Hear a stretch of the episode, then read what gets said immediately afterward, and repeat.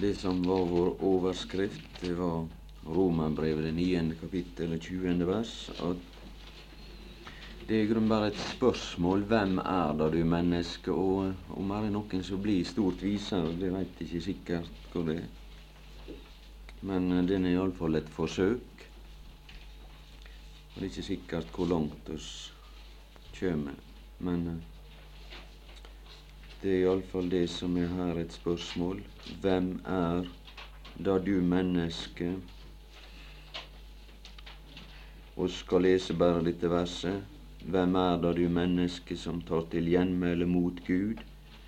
Vil da verket si til virkeren, hvorfor gjorde du meg slik?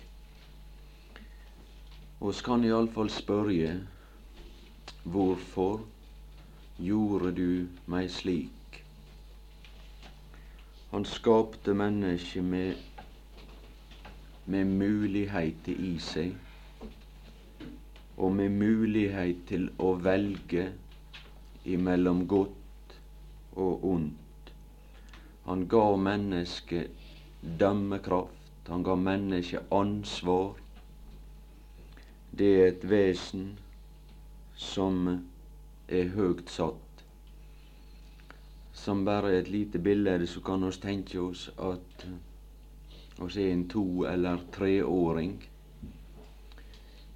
det er et vesen, men det er lite oss kan vente oss av det. Det har ikke ansvar for det som det gjør. Iallfall så er nå det slik jeg har sett med mine brødre at når de er blitt fødde, disse forskjellige, så så venter de i lengste med å begynne å tukte dem og oppdrage dem, for de mener de er så små at de kan ikke pålegges ansvar, og det er nå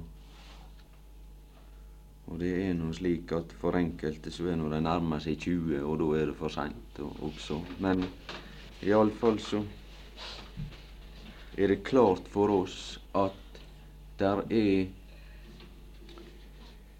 noe som heter den kriminelle lavalder.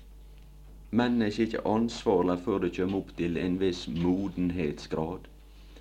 Men Gud utruster mennesket så rikt og så mye at det må stilles til ansvar for det som det gjør. Det er et høytstående vesen som har muligheter til godt og til ondt. Det var slik han gjorde det, og det vil bli ei utvikling både av det gode og av det onde. Og i sin fullkommenhet så er det, blir det bare i to personer. Det er i Kristus og i Antikrist. Det er det også som er illustrert litt av det som jeg lager til, og skal lese forskjellige ord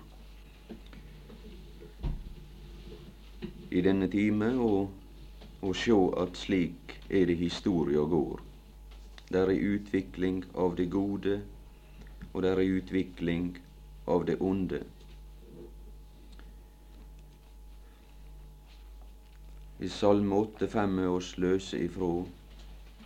Der er det det står at hva er et menneske? Og det var da brukt illustrasjon ifra Romerbrevet at det kan sammenlignes med et kar. Det er slik at det kan inneholde noe, og det kan bli fylt noe i et kar. Men det kar som mennesket blei etter fallet, det er ikke i stand til å holde på å inneholde noe av Guds vesen og av det guddommelige og av det gode. Derfor er det et uttrykk i Skriftene at du opphoper deg vrede. Du bare kan samle opp det som er vondt, og det som er dårlig. Og jeg skal si deg, hvis du vil ha en praktisk illustrasjon på dette, så kan du søke kontakt med en som er blitt gammel og ingenting hatt med Gud å gjort. og noe som er mer forkvakla og ødelagt og forvritt all, på alle måter, så er det en illustrasjon på det. Der er ingenting av verdi som er oppsamla. Og derfor så er det det at han må danne et nytt kar som er i stand til å beholde det guddommelige, og som kan romme det som er av Gud og det gode. Og som sådan så er mennesket et objekt for Gud til å samle verdier i som skal fylle den kommende evighet med ei frukt og et innhold som ikke var der før. Bare for å si det nokså profant, så kan du tenke det at hvis du er en fabrikk som lager et, et, et stoff eller noe, så, man ha ei masse kar til å lagre dette i. Det er hvis du Det ser du overalt. Det er ikke nødvendig å, å ta noe mer eksempel på det. Som det første så skapte Gud mennesket, som oss kjenner til at det står i, i Første Mosebok at han, han danner det etter, etter Guds lignelse og i Guds bilde. Og så forderva mennesket sin vei og blei ødelagt. men så gjenskapte han det slik som det har vært talt om. Men bare et ord som kan forklare litt om at der er muligheter hos mennesket. Efeserbrevet 4 og det 14. vers. Ja, eller la det være nok med det 15. vers. men at vi i sannheten tror, i kjærlighet, i alle måter skal vokse opp til Ham som er hodet, skal vokse opp til Ham som er hodet. Og hvis dere har sett på denne illustrasjonen her, så er det det som er vårt mål, den enkelte individuelt, det er å vokse opp til Ham som er hodet. At når oss blir gjenfødt, så kan oss tenke oss et utgangspunkt og står ved begynnelsen, ved et nullpunkt. Så frelser Han oss fullkomment, og oss blir likedanna med Sønnens bilde. Og alt er fullkomment ifra begynnelsen og oss blir satt med Kristus i himmelen. Og oss blir så høgt satt oss kan ikke komme høyere. Men likevel så befinner oss oss bare på begynnelsen likevel. Men oss har fått en ny natur og et nytt utgangspunkt, og oss er blitt et nytt kar. Og Paulus han sier det til korinterne at utvid også i eders hjerter slik der kan bli plass til det guddommelige. Utvid eders hjerter, og vokse opp til Ham som er hodet, slik at den naturlige utvikling for den som er frelst, er å vokse og nå endemålet for sin tro. Vokse opp til Ham som er hodet. Men det blir ikke så rart med vekst i, etter slik som i vårt løp med oss. Der er bare én som vokser slik som han skulle. Det var den Herre Jesus. Men der er ei mulighet for å bli noe og få del og få noe som er godt, og få noe som er verdi. Og bare for å følge denne illustrasjonen, så kan oss tenke oss det at tida den kan være mykje godt før du gir deg over til Gud og blir frelst, og der blir noe som er brukbart å samle opp det gode i. Så kan du tenke deg det at tida den løper utover her, så blir mulighetene mindre til at det kan bli noe av verdi. Når du begynner her, kan det bli mye av verdi, og når du begynner på slutten av livet, så blir det lite av verdi som kan samles opp i vår person. Jeg har fortalt det var en som hadde et møte, og der var da to som hadde gitt seg over til Gud den kvelden. Og så blei det spurt var det mange som kom i kveld. Ja, det var en og en halv, sa han. Det var en og en halv. Ja, det kan ikke være tale om. Enten måtte det være én, eller så måtte det være to. Nei, det var en ungdom, og så var det en som var gammel. Ja, i og for seg så er det stort å bli frelst og redde. Det er det samme kan det er. Det er stort. Men mulighetene for å bli til noe, de er der når du blir frelst i din ungdom, og før livet er gått.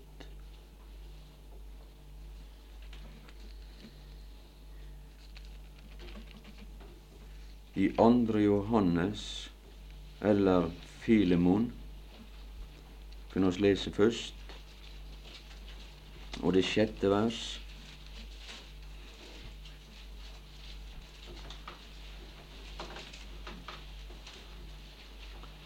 Det står det om at Ja, det er grunnen som oss vil ha tak i. Det er bare siste delen det gode som er i eder. Det gode som Marie er der. Jeg tror det kan være godt å rydde opp i en del misforståelser. Det er vanlig i de troendes forsamling når han taler Guds ord, å låte mest mulig tørt over det som er, er, har med oss å gjøre. I meg sjøl, der er det ingenting. Det hører du. Og og i grunnen så, så høres det voldsomt trist ut. I meg sjøl, der er ingenting. Og med oss er det bare elendighet. Og, og mer på den måte at Men i Kristus, der er alt i orden, og med oss, der er alt galt. Og eh, i grunnen da er det så enkelt. Da kan vi i grunnen bare la det skure også, på sett og vis. For, for, for når det er så gale, så kan ikke det bli verre. Men eh, iallfall så står det skrevet om det her. Det gode som er i eder. Og i grunnen så stemmer det godt også med mine erfaringer at jeg har møtt folk som jeg har funnet ut at det må være masse godt i dem. For jeg har erfart gode virkninger ut ifra enkelte personer. De som har levd et liv i sammen med Gud, og samla opp dette gode, og så får jeg et inntrykk av at det er mye godt i dem. Ja, det skal være visst at det er mulig. Og derfor så må vi ha disse lære om dette for at det kan være litt inspirasjon, eller litt som et utgangspunkt for at oss kan få tak i det som er det gode, for å ta det inn i 2. Johannes brev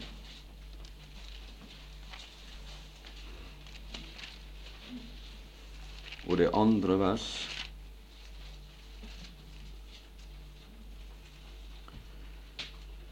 Den sannhets skyld. Ja, det er sammenheng, men i det første vers, men òg alle som har lært sannheten å kjenne, for den sannhets skyld som blir i oss, og skal være med oss til evig tid. Det som oss knytter til vår person i denne, i denne tilværelse. Det som oss knytter til vår person skal være med oss til evig tid. Det er sagt om Benjamin at han var en glupende ulv. Og jeg husker i det militære, når oss eh, der ble sett til bordet, så var ikke det høflighet først og fremst. Men det var om å gjøre å få tak i mest mulig, og fylle på og, og det han skulle ha. Og det var slik at uh, at det var nå enkelte påleggssorter som var mer ettertrakta enn andre, og de gikk først. Men iallfall la jeg få si det at når det gjelder det bord som Gud er dekka, så er ikke det nødvendig å vise beskjedenhet når vi forsyner oss. Med denne sannhet så er det ganske unødvendig for her er nok til alle. Derfor kan du bare ta og, og, og, og få med deg mest mulig. For plutselig så er tida slutt, og anledninga til å ete, den er slutt. Oss må ete lammet i hast, for det kan komme den, den stund og den time da oss må take vår stav og drage ut av Egypten. Det skjedde i hast at de måtte ete og take inn dette. Det gode som Marie er der, og lære rettferdighet å kjenne, og sannhet å kjenne. For Guds trone, den står ved sannhet og ved rettferdighet, og det er det prinsipp den også skal stå og ha gjennom alle evigheter, med de trone og herredømme og de rike som evig skal bestå, og derfor kommer det godt ved å få med mest mulig av rettferdighetens lov, den som skal være med oss til alle for alltid. Være med oss til evig tid.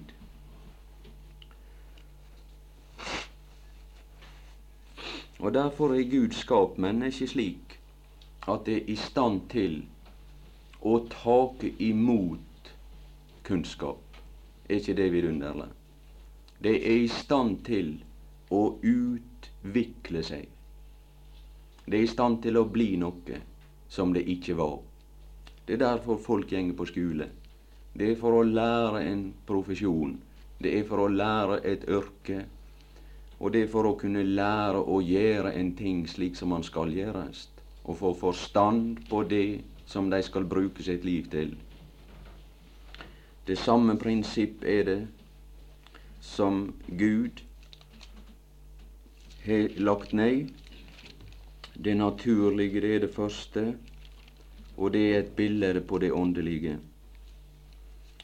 Å lære disse lover å kjenne og få dem inn slik at det blir ett med oss, oss kan bli i stand til å være med Han gjennom evighetene. I Kolossenserbrevet, det første kapittel,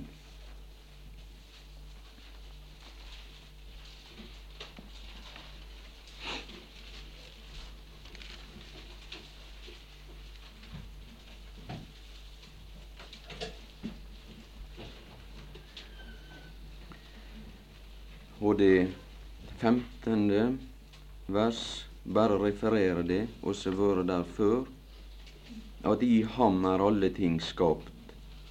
Og når mennesket blei skapt, så blei det da antyda at de var skapt i Sønnens bilde etter det bildet som han hadde når han var den førstefødte fremfor enhver skapning.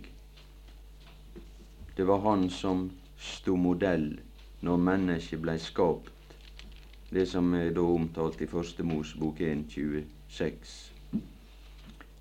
Og hvis mennesket hadde bevart sin opprinnelige tilstand, så kunne det ha blitt mye godt utvikla i den forbindelse.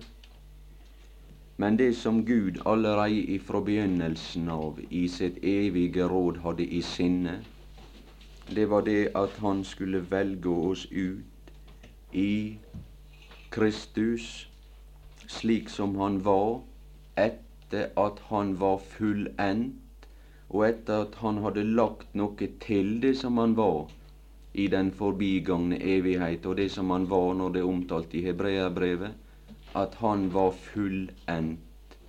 og så blei han grunnlegger av den nye slekt. Og derfor er det det som er den nye begynnelse og det utgangspunkt når oss blir skapt, også ikke bare i stilling, men som utgangspunkt for vår utvikling. Så er det etter det bildet, det er det grunnlag og hvis det var et kar som var mye verdt, og som kunne romme guddommelige inntrykk, slik som mennesket var i eden, de kunne skue Gud, og de kunne ete og drikke og take inn det som Gud var, og de kunne lære guddommelige lover og prinsipp. Men så kan oss som er gjenfødt etter Sønnens bilde slik som han er, etter at han har lagt dette til sin person og det som han blei til i fornedrelsen, så er det et utgangspunkt. Der er, der er et instrument, der er et kar som kan romme mye mer av Guds vesen, og som kan være i stand til å ta inntrykk. Det et finere instrument enn det som det var de første menneskene. I Efeserbrevet, første kapittel,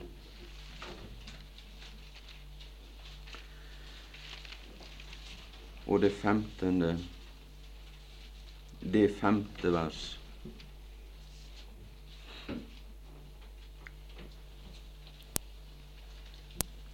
I det Han i kjærlighet forut bestemte oss til å få barnekår hos seg ved Jesus Kristus etter sin viljes frie råd. Um, der er nyanser i Guds ord, og orda de blir ikke plassert sånn hulter til bulter. Men det som oss kan lese ut her, det er plasseringa. Når oss leser Jesus Kristus, så står der Jesus først og Kristus nummer to. I det Han i kjærlighet forutbestemte oss til å få barnekår hos seg ved Jesus Kristus etter sin viljes frie råd. Og det det her er tale om, det er det at det skal være til pris for sin nådes herlighet, som Han gav oss i den elskede. Og i kraft av denne nåde så er Han plassert oss, oss er høgt satt, oss er godt på en måte si at oss er plassert med Kristus i himmelen, og det er til pris for sin nådes herlighet som Han gav oss. I den elskede, i hvem vi har forløsningen ved Hans blod, syndenes forlatelse, etter Hans nådes rikdom, videre. Det står at Han ville samle alt til ett i Kristus, både det som er i himlene og, og det som er på jorden. Men for å finne det som er et utgangspunkt når vi skal tale om å take imot av det guddommelige og bli til det som oss ikke var ved utvikling, Efeserbrevet det andre kapittel og det, og det tiende vers. Der skal vi sjå det at det står akkurat omvendt. Der står det Kristus, Jesus. For vi er Hans verk. Og hvis vi kunne dvele litt ved det vi er Hans verk.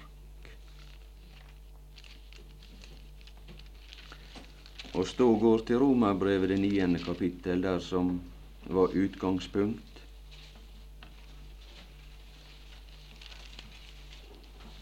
Eller har ikke pottemakeren makt over overlære, så han av samme deig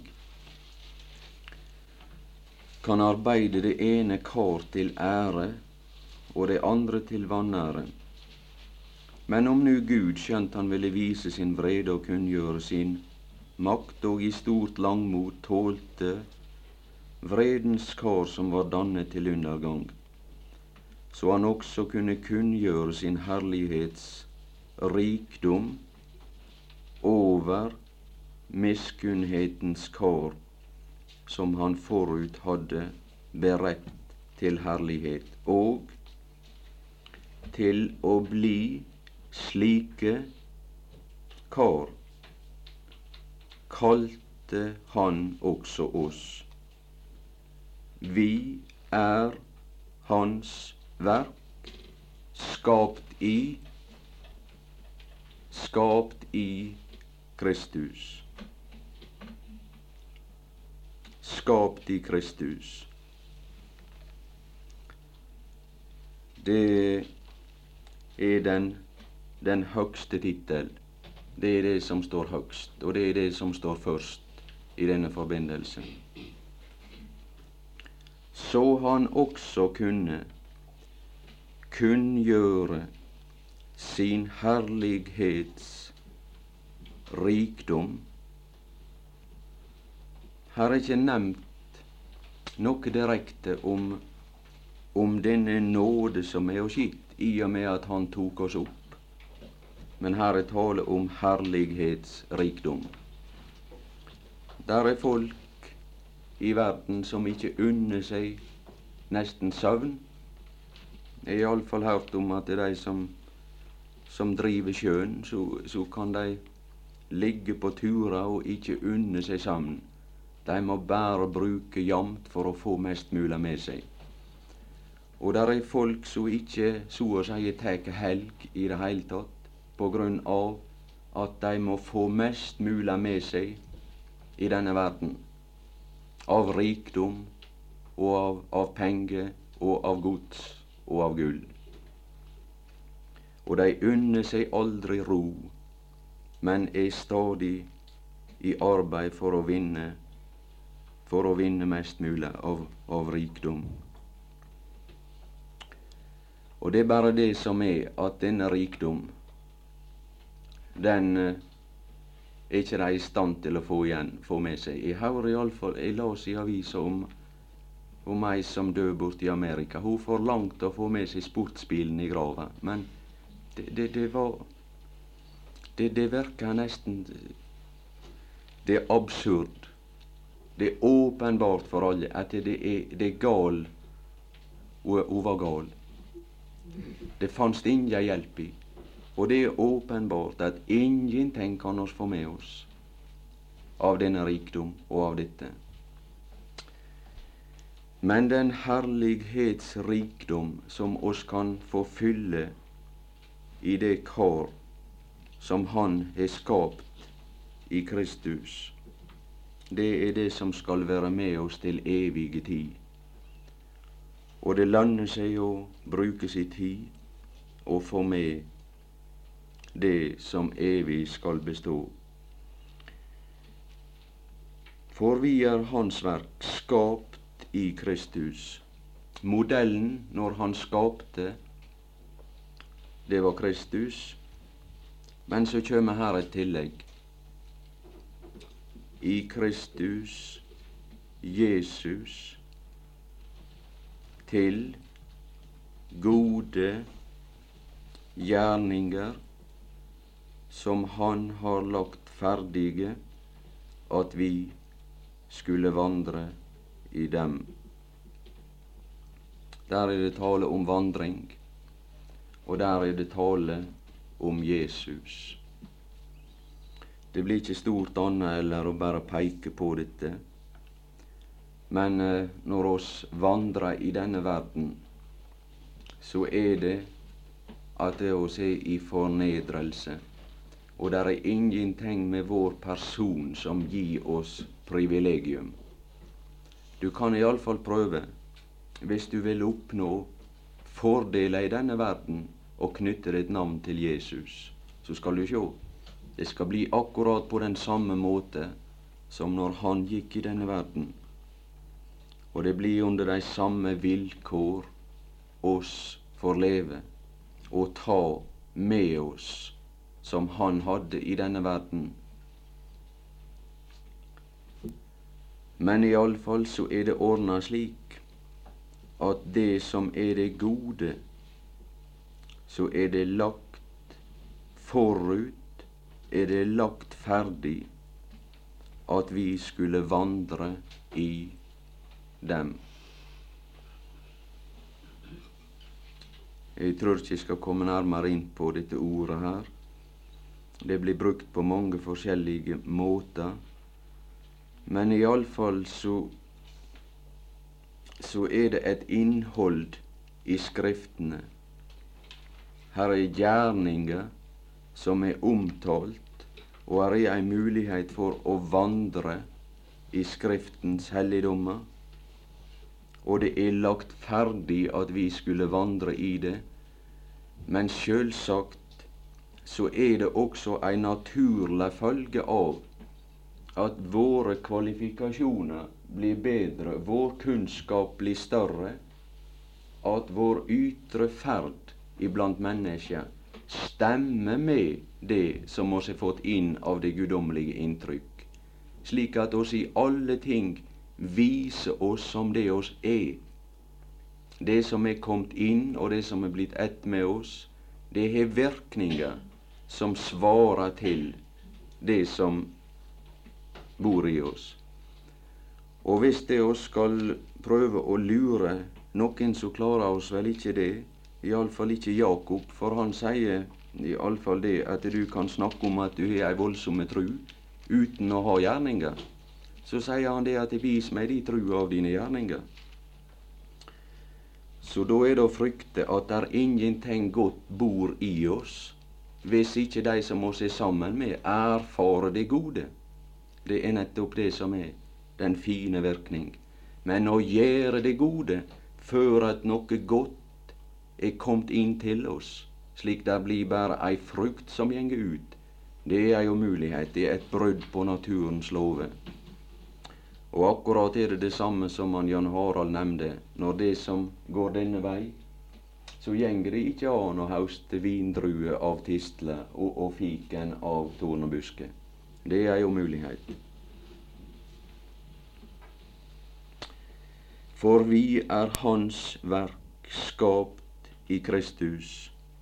Som sådan så blei det lagt et grunnlag som er det beste bildet som er kjent ifra begynnelsen og inntil enden. Kristus, det er det begrep som rommer det som er det høgste og det største og det beste og det rommeligste.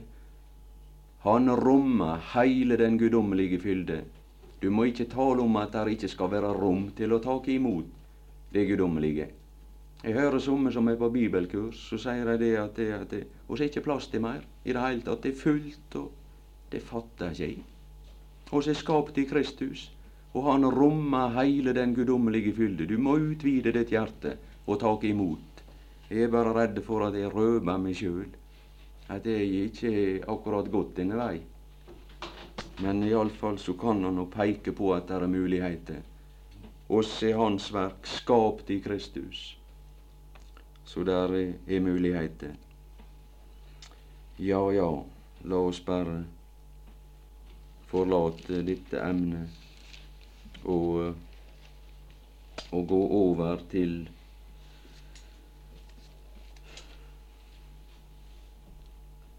det som har kanskje mer praktisk anvendelse. Jeg ser jeg skulle komme inn på forskjellige ting her, men det er dette som det sto at det var Jesus det er det som er vår vei i, gjennom verden. Det er det også knytta til Jesus. I apostlenes gjerninger, det 13. kapittel og det 17. vers.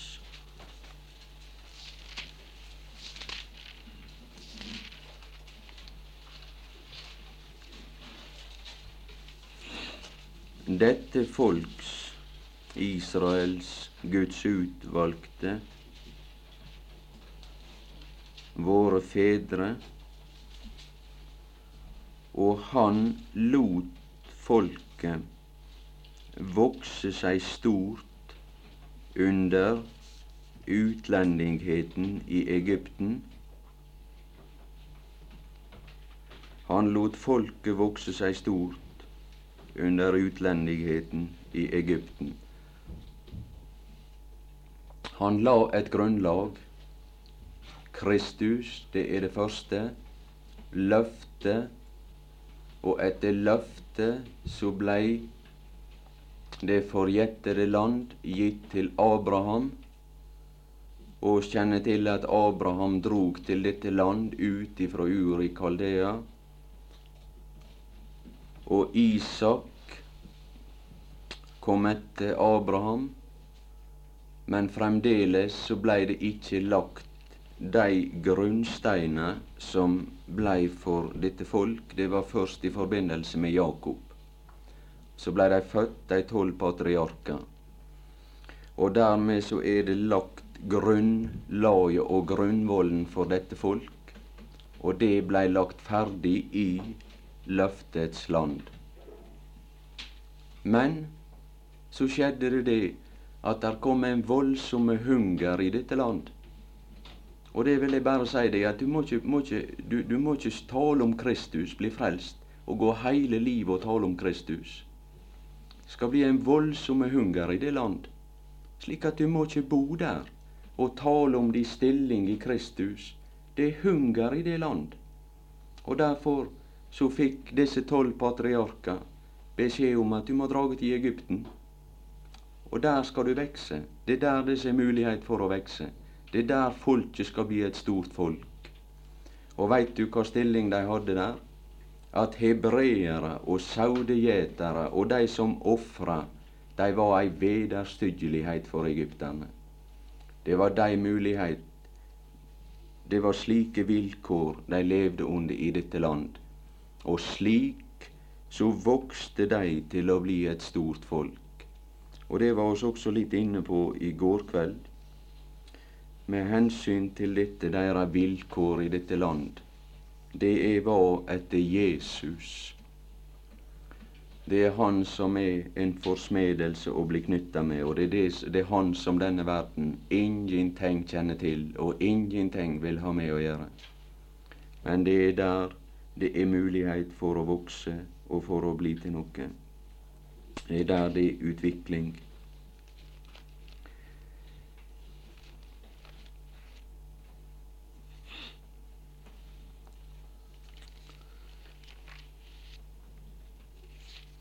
i andre Korinterbrev. Det første kapittel og det femte vers.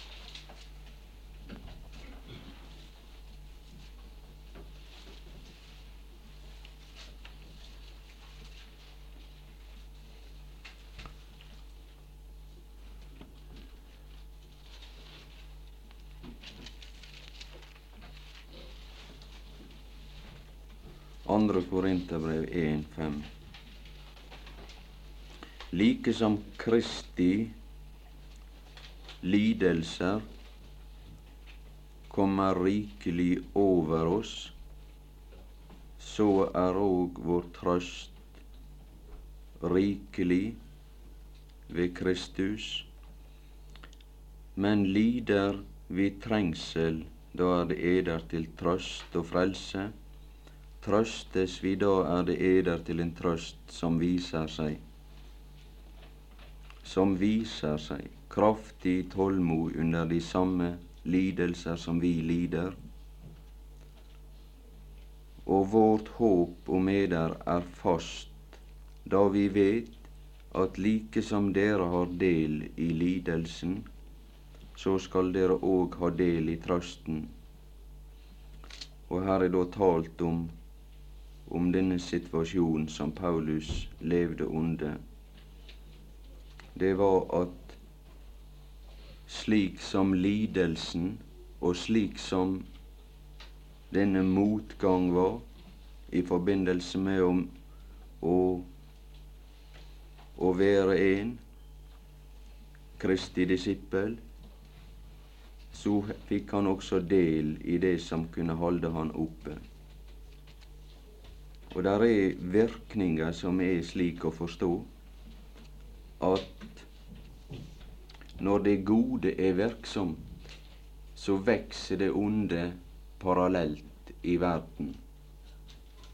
Der er en motstand slik at der er balanse. Og jeg har forsøkt å, å framstille det på en måte slik at, at det vokser, og der er et uttrykk i eh, evangeliet la de vokse sammen inntil høsten. Og slik at der som, eh, som synda blir stor, og der som er ei utvikling av ondskap som er stor, så blir det den trøst og det lys som, hører, som, eh, som er disponibelt for de som hører Herren til, den er tilsvarende stor, slik at der skal være balanse. Og i alle fall så skal ondskapen, han skal vekse og bli så stor at den skal bli å seie som om at høsten er fullmoden på jorden. Og den de skal fylle sine synders mål, de som vandrer etter kjøtet. Det står om det i Åpenbaringa 14 og i 1. Tessalonika brev 2,16 at de skal fylle sine synders mål. Og i Matteus 23, 32 der er det tale om de vilkår som Jesus levde under.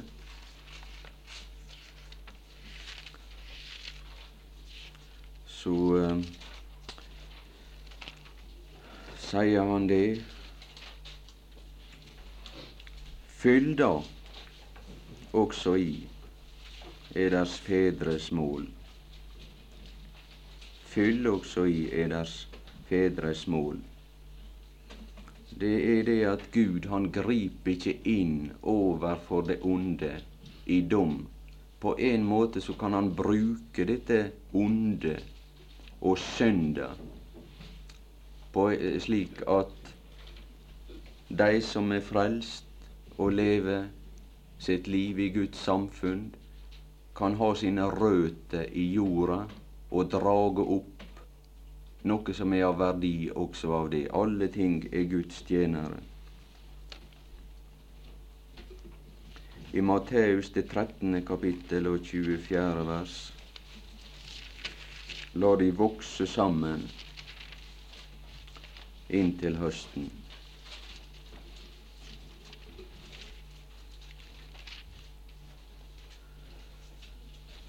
Det, det står i det 30. vers la dem begge vokse sammen inntil høsten. Når høsttiden kommer, vil jeg si til høstfolkene, sank først ugresset sammen og bind det i bunter for å brenne det, men samle hveten i min lade. Det som er av verdi, og det som kan brukes, det samler han inn, og han venter tålmodig Sameleis er det også et annet bilde i det 47. vers. Det står at himlenes rike er å ligne med en mann som hadde sådd god sæd i sin åker. Og i det 47. vers at atter er himlenes rike likt en not som kastes i havet. Og når den er blitt full, drar de den på land og setter seg ned og samler de gode sammen i kar, men de råtne kaster de bort. Og de som er råtna opp, det, de er befengte med makk, de er ødelagt. Men det som er de gode, de blir samla sammen i, i kar. Og hvis du kan tenke på fisk og du kan tenke på brød, så er det iallfall slik oss kjenner til en annen beretning i evangeliet når, når Jesus hadde 5000 hos seg, og så hadde de fem brød og to små fisker. Så eh, delte han ut og ga til folket. Han ba sine disipler dele ut til folket, og alle åt og blei mette. Det var disse to to ting der er nevnt i forbindelse med, med føde og med livets oppholdelse i en ørken. Ja, jeg var litt usikker på her hvor jeg skulle gripe det an. Det var noe til.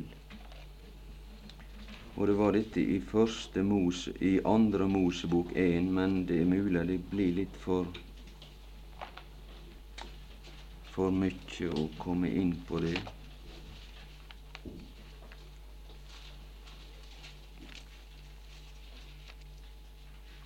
Det er kanskje nesten like lurt å la det være, men uh, prøve litt kanskje med Det var det at de måtte forlate løftets land. Så snart så de hadde kommet skikkelig i gang der, så så det smått ut. De måtte drage til Egypten. Disse tolv patriarker, Jakobs hus, Israels hus. Og så måtte de leve under disse vilkår for å bli et stort folk og utvikle seg til å kunne innta løftets land seinere. Og den de da hadde med å gjøre, det var en ny konge. Det var oppløs i går om det. Det var en ny konge over Egypten som ikke visste noe om Josef. Og farao, denne kongetittel, det betyr sol. Det er sola som, eh, som stender over et folk, og som, og som gir inntrykk og lyser opp for dem. Det var denne kongetittel de brukte i Egypten. Farao. Og sola, den er midtpunktet i et system og alle stjerner de kretser rundt om dette system, alle planeter. Det er den som er midtpunkt for et, et system. Og det er ei kjent sak, det at når det står i, i Bibelen at soloppgang fra det høye har gjestet oss, så er det et bilde på Gud, og rettferdighetens sol skal oppgå med legedom under sine vinger mens vi har andre solsystem. Og derfor så måtte på en måte dette folk forlate denne varme og innflytelse av denne sol som bare gir glede, og som, og som bare gir lys og velsignelse. Og så måtte de flytte inn under et annet system det blir nå visst voldsomt vidløftige saker, men jeg skal iallfall gi ideen ut, bare, så får du tenke på det. De fikk ikke lov til å leve i dette løftets land med velsignelse og med sol og med regn og med Han som bare smilte Faderens smil og glede. For jeg skal si deg det sånn at når far og mor skal oppdrage barna sine, så nevner de at jeg har brødre som er nå det bra med barn slik. Og, men de er, jeg vil nesten kalle det slik at de er svært levjete, hvis dere forstår et slikt uttrykk, med sine egne barn. For det at de orker nesten ikke å, å, å røyve dem på, på noen måte. Det, det er slik og jeg har hørt så mye til dette der, der at hvis det er at unger skal opptre dem på en langt annen måte og banke dem og få det til Og jeg tror det er noe sånn med den Fader som er født oss i Sønnens spillere. Så er han så mjuk i hjertet at han orker nesten ikke å røyve oss. Men så skal jeg si deg det, at oppdragelsen den kommer på en annen måte. De må ut i verden og ut iblant sine kamerater. Ut iblant fremmede. Og da skal jeg helse og si at det er ikke mye barmhjertighet å få. Jeg gikk på skole sjøl, og den veikeste var jeg, og den minste, og juling fikk jeg med alle. Ja, ja. Og han far han var langt unna, han visste ikke noe om det hele. Men der var oppdragelse å få. Bare vent til han begynner på skole og får komme ut iblant de andre, så blir det ingen pappagutt. Nei, der er oppdragelse å få som ikke har noe direkte med den oppdragelse som Faderen gir. Og det er det de måtte innordne seg under et nytt system, under en ny konge, og leve under disse vilkår. Jeg skal si deg hva for en konge det var. I Esaias 14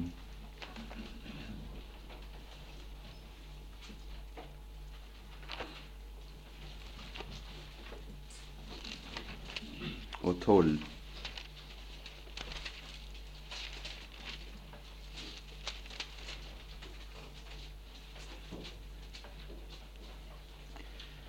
Og det er nettopp den årsak til at Gud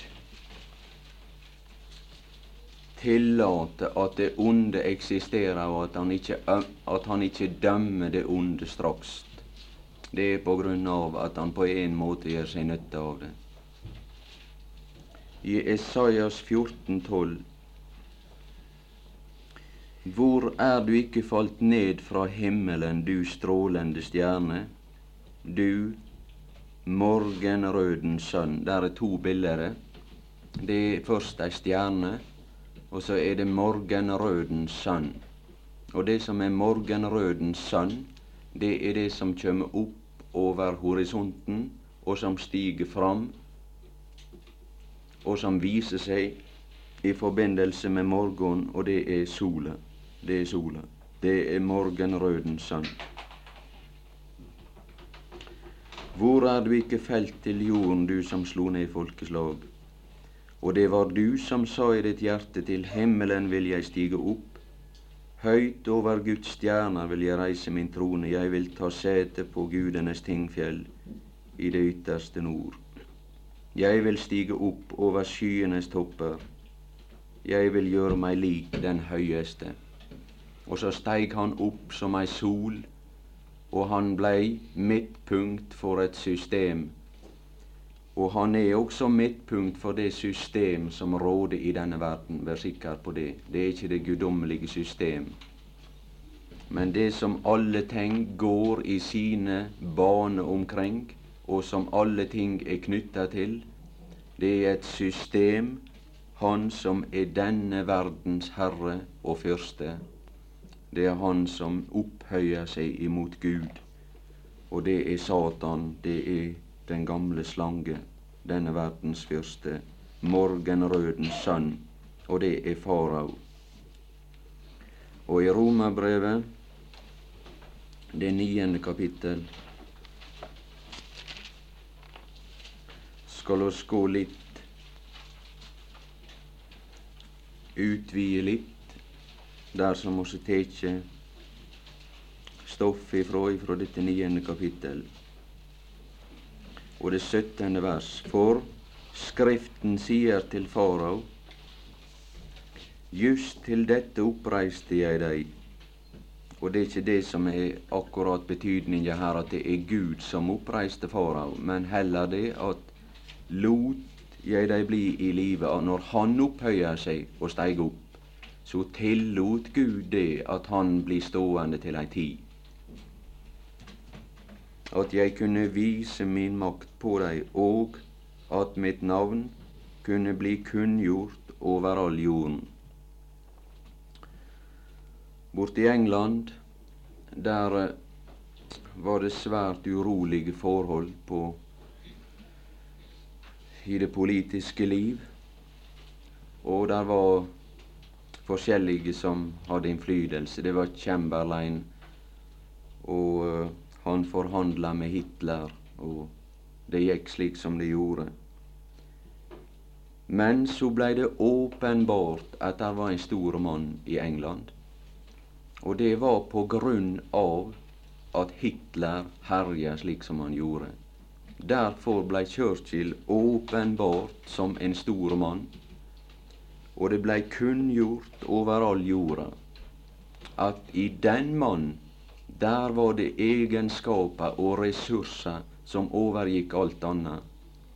Det samme var for Montegomery. Han var en stor general.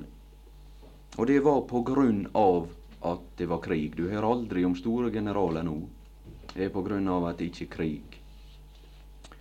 Men det var for at mitt navn kunne bli kunngjort over all jorden. Og når det er store motstand, så åpenbarer også den seg som en store soldat som kan råde med denne fiende. Det for å åpenbare Guds storhet lot jeg deg bli i livet. Ja, og skal slutte med det. Men det var i Egyptens land at de vokste og blei til et stort folk. Det var i Egyptens land. Og det var etter Jesus. Det er det navn som er forakta i denne verden. Og derfor så så fikk de føle dette når de levde der under trelldom under farao, at de var en vederstyggelighet for egypterne. Og det er det som er det samme som er tilfellet for den som har sin vandring i denne verden. Ja, Herre Jesus, du ser det blir teori og, og lite overensstemmende med det som er det virkelige for mitt vedkommende. Men du veit iallfall nå erfart det til somme tider at i denne verden har i trengsel. Men denne trengsel den virker for oss en evig fylde av herlighet på, med overmål og på overmål. Det blir et stort resultat. Og la oss bruke den tid som oss har her, til å motta inntrykk ifra deg, slik at det beriker evigheta for oss. Og ikke bare det, men slik at det blir mykje deg til del som ei frukt av at du skapte mennesket, og at du gikk etter oss og gjenløste oss, og at du skapte oss i Sønnens bilde, og har gjort oss i stand til å motta den guddommelige fylde, oss kan romme Guds herlighet, den som skal bli åpenbart når hun skal åpenbares sammen med Guds Sønn, når alt skal komme fram i dagen, og du skal åpenbare oss for alle makter og myndigheter å vise oss fram. Kan du gi nåde til å fortsette å si litt om ditt emne, så må du drage det fram slik som du ser oss har bruk for det. Amen.